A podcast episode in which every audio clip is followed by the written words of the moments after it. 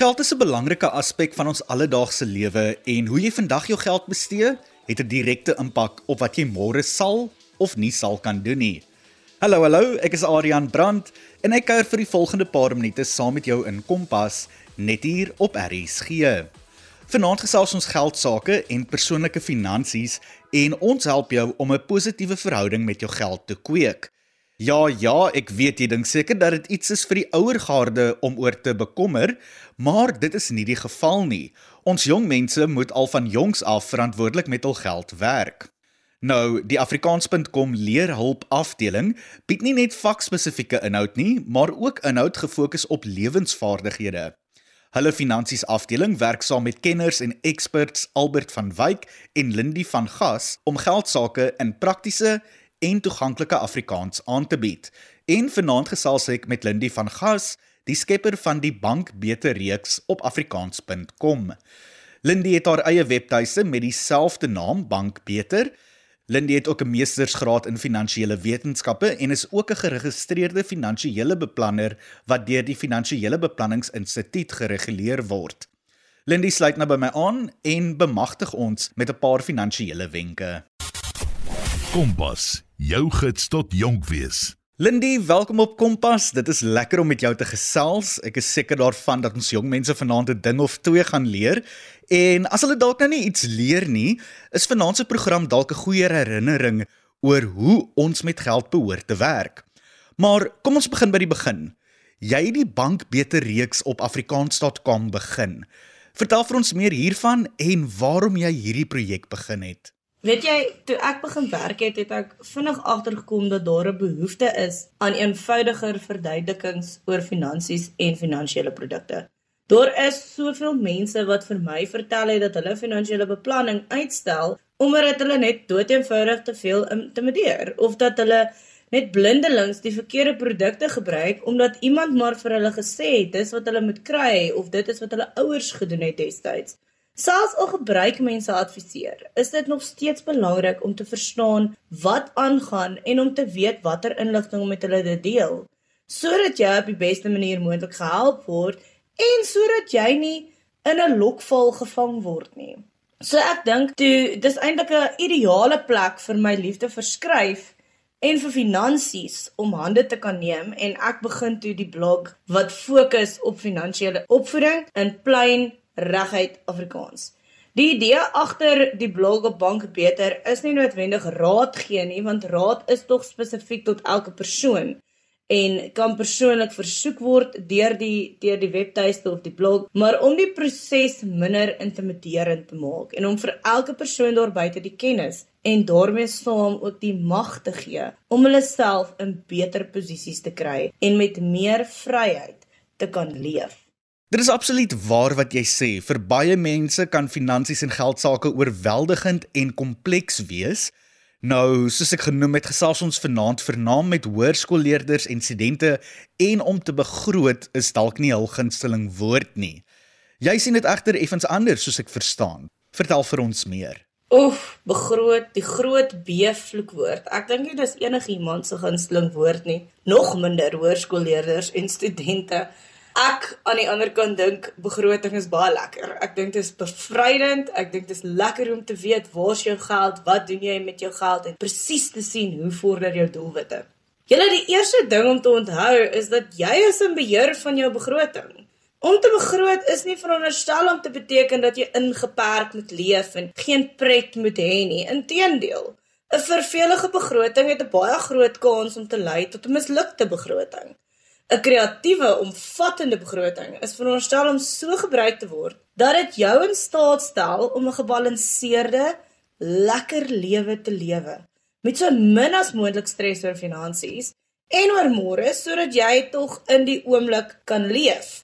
As jy dit reg gebruik, is die idee om finansiële vryheid te verkry. En finansiële vryheid, anders as wat baie mense verwag, het eintlik bitter min met finansies te doen en alles te doen met vryheid van keuse en tyd en leefstyl. Dit gaan oor meer tyd vir die dinge wat jy liefhet en minder slapelose nagte. Dit gaan daaroor om die plekke te sien wat jy wil, al die dinge te ervaar waaroor jy droom En om dit alles te doen sonder om te wonder hoe jy jou kredietkaart gaan afbetaal of voorkom om op 2 minute noodles te leef vir die volgende 3 maande of om jou ouers bietjie vroeër die maand al te moet bel en vra vir 'n ou inbetalingkie. As mens van jongs af al 'n positiewe verhouding met geld ontwikkel, sal dit vir jou baie gerusstelling en vrede in jou toekoms gee. Mens wil nie iemand wees wat van salaris tot salaris leef of nou in hierdie geval waarskynlik van beursinkomste tot beursinkomste of sakgeld tot sakgeld nie. Wanneer jou ma nie meer vir jou sorg nie, is 'n begroting 'n besluitnemingsmeganisme wat jou kan help om nog asemhalingsspasie te hê na maandeinde want die maand kan andersins baie vinnig baie langer as jou salaris raak. Jep, om te begroot kan vir ons elkeen 'n bietjie minder slapelose nagte gee in die toekoms. Nou, so op die noot van begrotings. Watter dinge sou jy sê is belangrik om in ag te neem wanneer jy 'n begroting opstel? Ek weet vandag se sessie is gerig op jonger mense en dit is tog baie belangrik om hierdie beginsels toe te pas, selfs al is dit net met jou sakgeld of met jou eerste salaris. Ek dink ook daar is geleentheid hier om ouers uit te daag om vir hulle kinders meer verantwoordelikheid te gee met hulle sakgeld rakend hoe hulle dit verdien en waarop hulle dit alles moet bestee.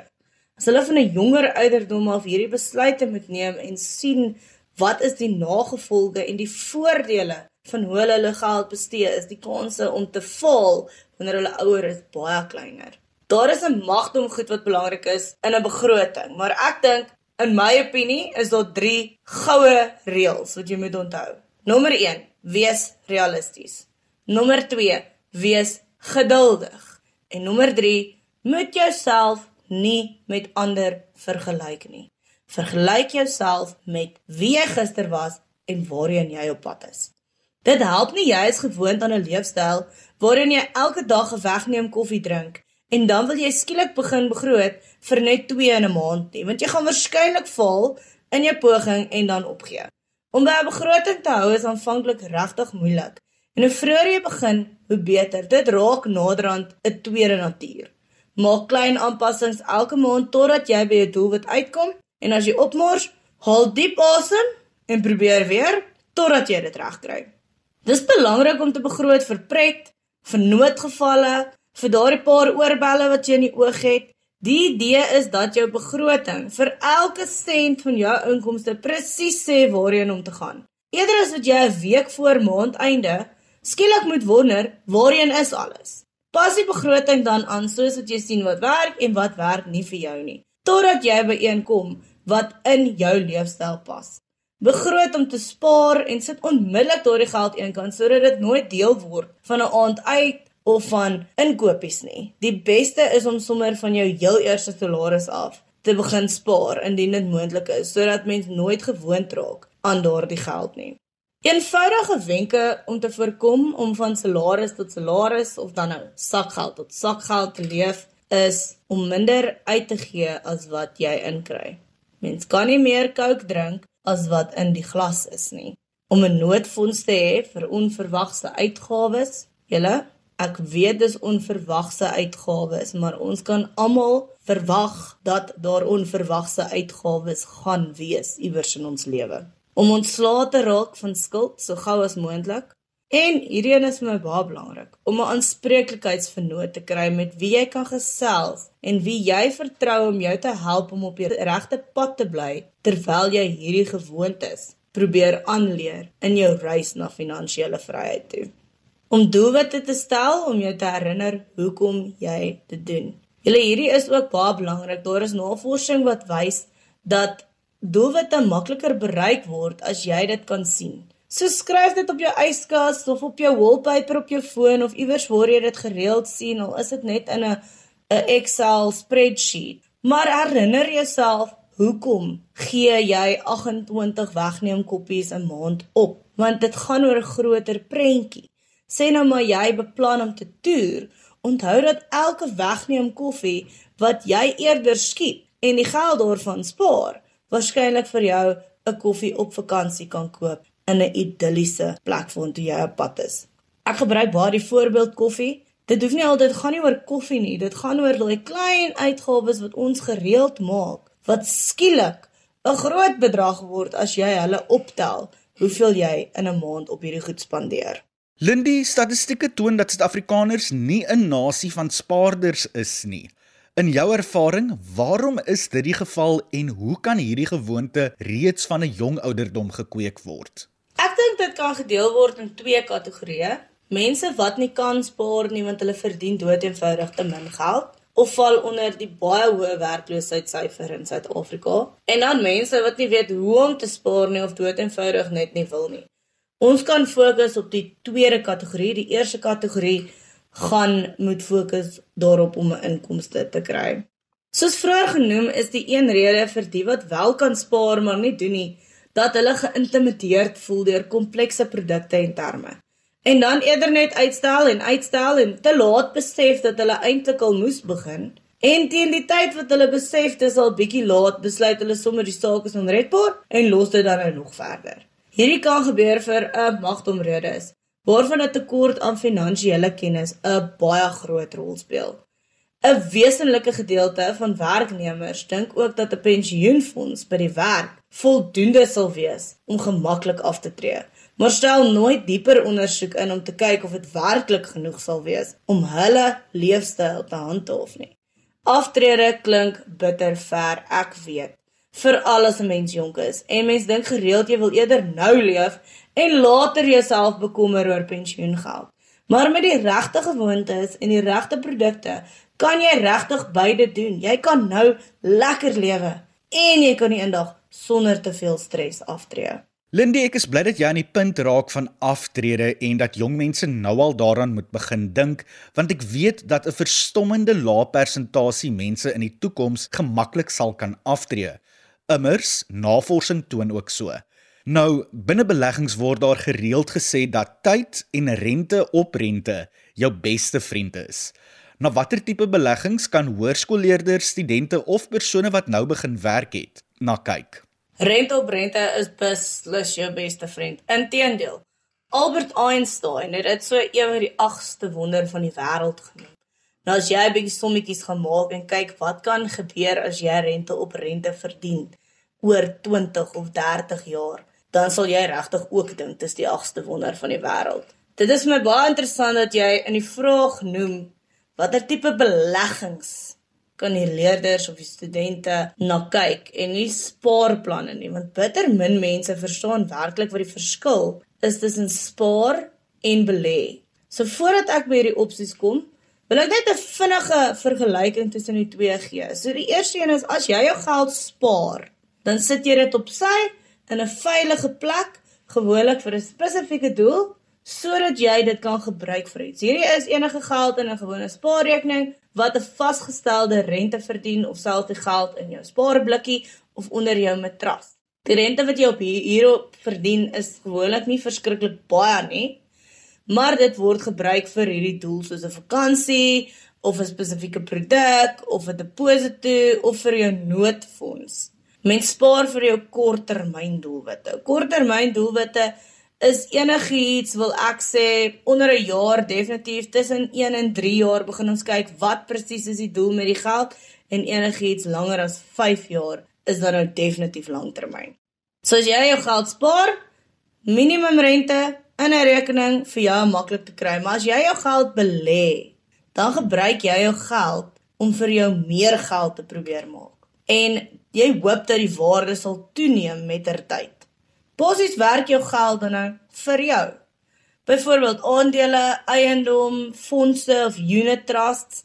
Um jy sal eerder begin spaar wanneer jy voorberei vir jou medium en langtermyn doelwitte of jy sal medium doelwitte tussen spaar en belê probeer balanseer. Mens sal dan jou portefeulje of jou som totaal van jou beleggings volgens jou eie doelwitte en jou risiko en ander eienskappe wat dit kan beïnvloed saamstel sodat dit vir jou sal werk. Maar as dit kom by die spesifieke opsies, dis baie moeilik om raad te gee wat vir almal gaan werk, want elke persoon se omstandighede gaan tog verskil. So mens moet jou eie lewe en jou belastingvlak en jou doelwitte in ag neem. Maar ek dink 'n baie goeie beginpunt vir jong mense en hierdie val nou meer in die spaarkategorie is 'n gewone spaarrekening. Veral een waar jy nie die geld onmiddellik kan onttrek nie, omdat ons almal soms onmiddellike genot verkies bo ons doelwitte. Onthou die spaargeld van een ekstra broek vandag kan baie moontlik vir jou twee broeke koop in die toekoms. En dan is daar belastingvrye beleggings waarna mens kan loer. Daar is unit trusts of effektebeurse in Afrikaans en natuurlik direkte aandele. Lindy, enige ander tipe beleggings waarin jy sou sê die jong klomp beslis in moet belê? Ek dink vir jong mense spesifiek ook en ek dink nie jy jy verwys eintlik hierna nie. Jy soek fisiese produkte waarin hulle kan belê. Maar 'n baie belangrike belegging wat jong mense kan maak is in hulle opvoeding want dit gaan vir jou 'n lekker opbrengs gee in die toekoms omdat jy waarskynlik 'n hoër salaris sal kan verdien. En 'n hoër salaris vir die res van jou lewe gaan nogal in 'n klompie verskillende salarisse in translate en gee vir jou 'n baie lekker opbrengs op hierdie belegging wat jy dan nou in jou opvoeding maak. Ah, dit is 'n slim idee. Ek hou daarvan. Belê in jouself in die vorm van onderwys en jy belê natuurlik in die toekoms. Ek hoop die jong mense let op hierna. Leef voluit en kleurryk met Kompas. Weksaande om 08:30. Dit is Lindy van Gas, die skepper van afrikaans.com se bank beter reeks wat jong mense bemagtig met persoonlike finansies en hul geld sake en ons het so vlugtig oor begroting, spaar en beleggings gesels.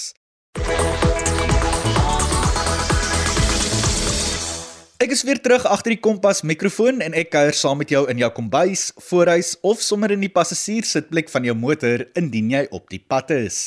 Ek is Adrian Brandt en ek kuier vir die laaste paar minute saam met jou in Kompas op RSG.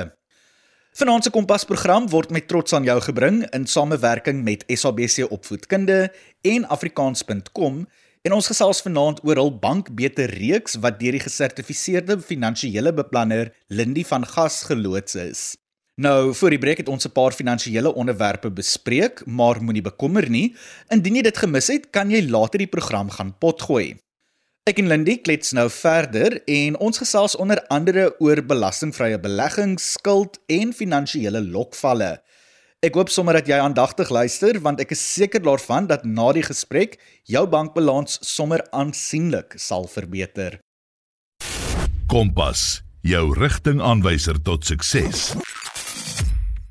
Nou, ons hoor gereeld van belastingvrye beleggings wat deur die staat bekend gestel is om sodoende dan 'n kultuur van spaar in ons land en onder sy mense aan te moedig. Maar soos enige iets kom dit seker ook met sy eie vangplekke.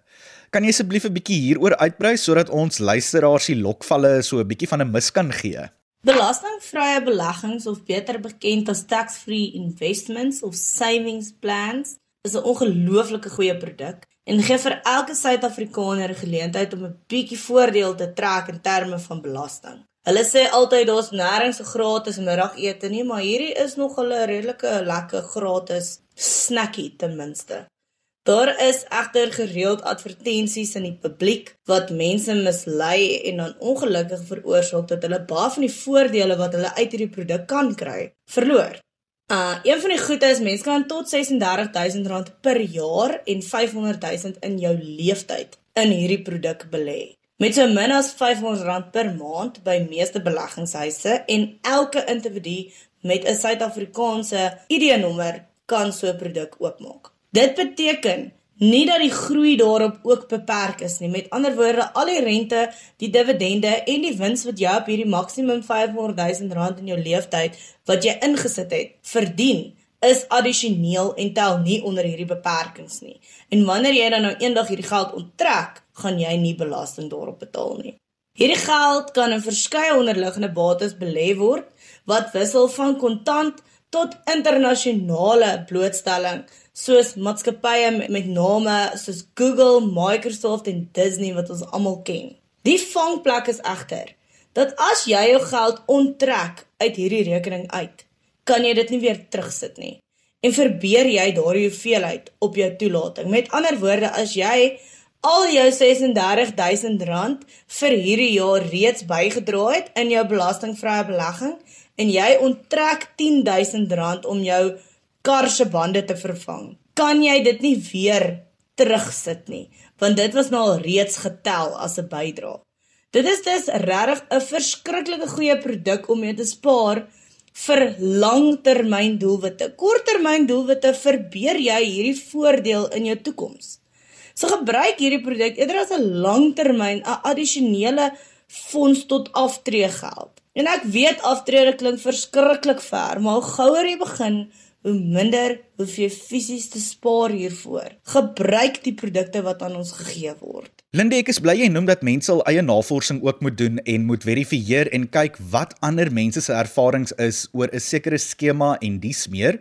En ek wil ook daarbey byvoeg, moenie net glo wat jy op die maatskappy of wat ook al se webtuiste lees nie. Krap rond op ander webtuiste, forums en dies meer en kyk wat daar gesê word oor mense se ervarings. Is daar enige ander lokvalle waarvoor jong mense moet uitkyk wanneer hulle die wêreld as werkendes betree? Die klise om te onthou is: as dit te goed klink om waar te wees, is dit waarskynlik.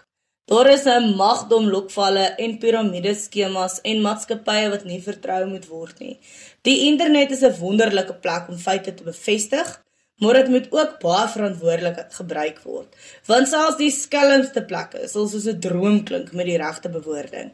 Kyk na ander mense se ervarings met die maatskappy of met die produk en vra rond oor die plek as jy nie te veel inligting kan kry of as dit nie 'n baie bekende beleggingsfirma is nie. Daar is regtig nie en ek lê klem op daar is regtig nie 'n word ryk vinnig produk daar buite nie. So enigiets met sulke beloftes is waarskynlik iets wat jy nie moet vertrou nie. Jy werk baie hard vir jou geld. En as jy dit mooi belê en mooi bestuur, sal dit hard vir jou ook kan werk. So moet nie probeer om dit in 'n vinnige skema te probeer verdubbel en dan op te eindig om al hierdie geld wat vir jy jou ure gegee het te verloor nie. Lindy, dit help nie ons praat oor finansies, maar ons kyk nie na skuld of gesels nie oor skuld nie. Ek weet skuld is soms 'n vloekwoord, maar tog is 'n kredietrekord in Suid-Afrika gereeld nodig. Wat is jou advies aan studente hier aangaande? Die wêreld is 'n snaakse plek. Mens moet skuld maak om skuld te maak. Kredietrekords is belangrik vir al as jy beplan om 'n selfoonkontrak uit te neem of 'n kar of 'n huis eendag te koop. Die ironie is egter hoe ouer jy raak, hoe moeiliker raak dit om 'n kredietrekord te kry en bitter min plekke is bereid om vir jong mense skuld te gee sonder 'n kredietrekord. My raad aan studente is om 'n klere rekening oop te maak by 'n plek soos Edgars, Woolworths of die Fashini groep. Ek dink Mr Price het ook rekeninge en dan vroeg reeds te begin bou aan hierdie kredietrekord sodat wanneer jy dan nou op die punt kom wat jy 'n kar wil koop, jy gunstige rentekoerse kan kry en nie afgekeur gaan word nie. Sekere banke bied ook studentekredietkaarte aan. Dit is egter baie baie baie belangrik om hierdie met verantwoordelikheid te gebruik. Want voordat jy jou oë uitvee, kan skuld soos 'n sneeubal groei en is dit moeilik om daar uit te kom. Mense, baie ouer mense sê altyd vir my skuld soos die plaag. Maar as jy dit reg gebruik, kan skuld vir jou regtig baie goeie deure oopmaak in die toekoms. Moet nie iets op skuld koop dan nou op hierdie rekening as jy nie daarvoor kan betaal nie. Koop eerder iets waarvoor jy in elk geval begroot het en dan koop jy dit nou op skuld sodat dit vir jou kredietrekord tel. Want dan kry jy die produk waarvoor jy begroot het en jy bou 'n kredietrekord. Byvoorbeeld as jy begroot het vir 'n hemp hierdie maand vir R200, koop hom op rekening sit die R200 eenkant en betaal die rekening aan die einde van elke liewe maand af. Net omdat mens kwalifiseer vir 'n baie hoë limiet op 'n kredietkaart of 'n baie duur kar, beteken ook nie natuurlik mens moet dit neem nie. Versoekings skuil soms as geleenthede. Mens kry goeie skuld en slegte skuld wat 'n hele ander speletjie is, maar vir nou is dit baie belangrik om te onthou dat as jy skuld met respek en verantwoordelikheid gebruik, Kompas, jou rigtingaanwyser tot sukses. Dran Lindy van Gas, 'n gesertifiseerde finansiële beplanner en ook die skepper van afrikaans.com se bank Beter Reeks wat saamgekuier het in Kompas en uitmuntende finansiële wenke met ons gedeel het. Vir meer gratis finansiële opvoeding in maklike en verstaanbare Afrikaans, besoek gerus afrikaans.com en klik op Leerhulp Finansies of gebruik sommer die soekfunksie en soek vir finansies. daarmee is dit tyd vir my om te groet. Ek kuier môre aand weer saam met jou om 07:30 wanneer ek en afrikaans.com 'n paadjie verder stap. Van my kant tot dan, mooi loop.